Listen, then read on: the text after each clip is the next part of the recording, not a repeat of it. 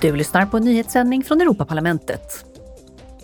För att uppmärksamma internationella minnesdagen för Förintelsens offer ska Israels president Isaac Herzog tala till parlamentet under plenarsessionen imorgon.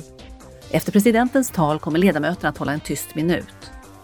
Högtidlighållandet öppnas med ett tal av Europaparlamentets talman Roberta Metsola.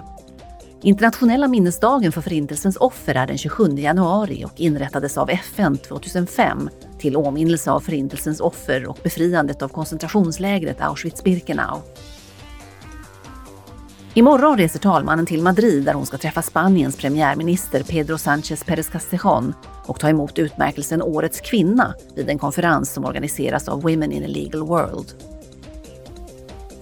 Igår tog ekonomiutskottet emot Mairead McGuinness, kommissionär för frågor om finansiella tjänster, finansiell stabilitet och kapitalmarknadsunionen, för ett samtal. Kommissionen har nyligen föreslagit ett antal åtgärder, bland annat för att reglera hanteringen av EUs gasmarknad, men också när det gäller avvecklingstjänster och börsnoteringar för att vidareutveckla kapitalmarknadsunionen. Ett förslag om direktbetalningar har också lagts fram. Du har lyssnat på en nyhetssändning från Europaparlamentet.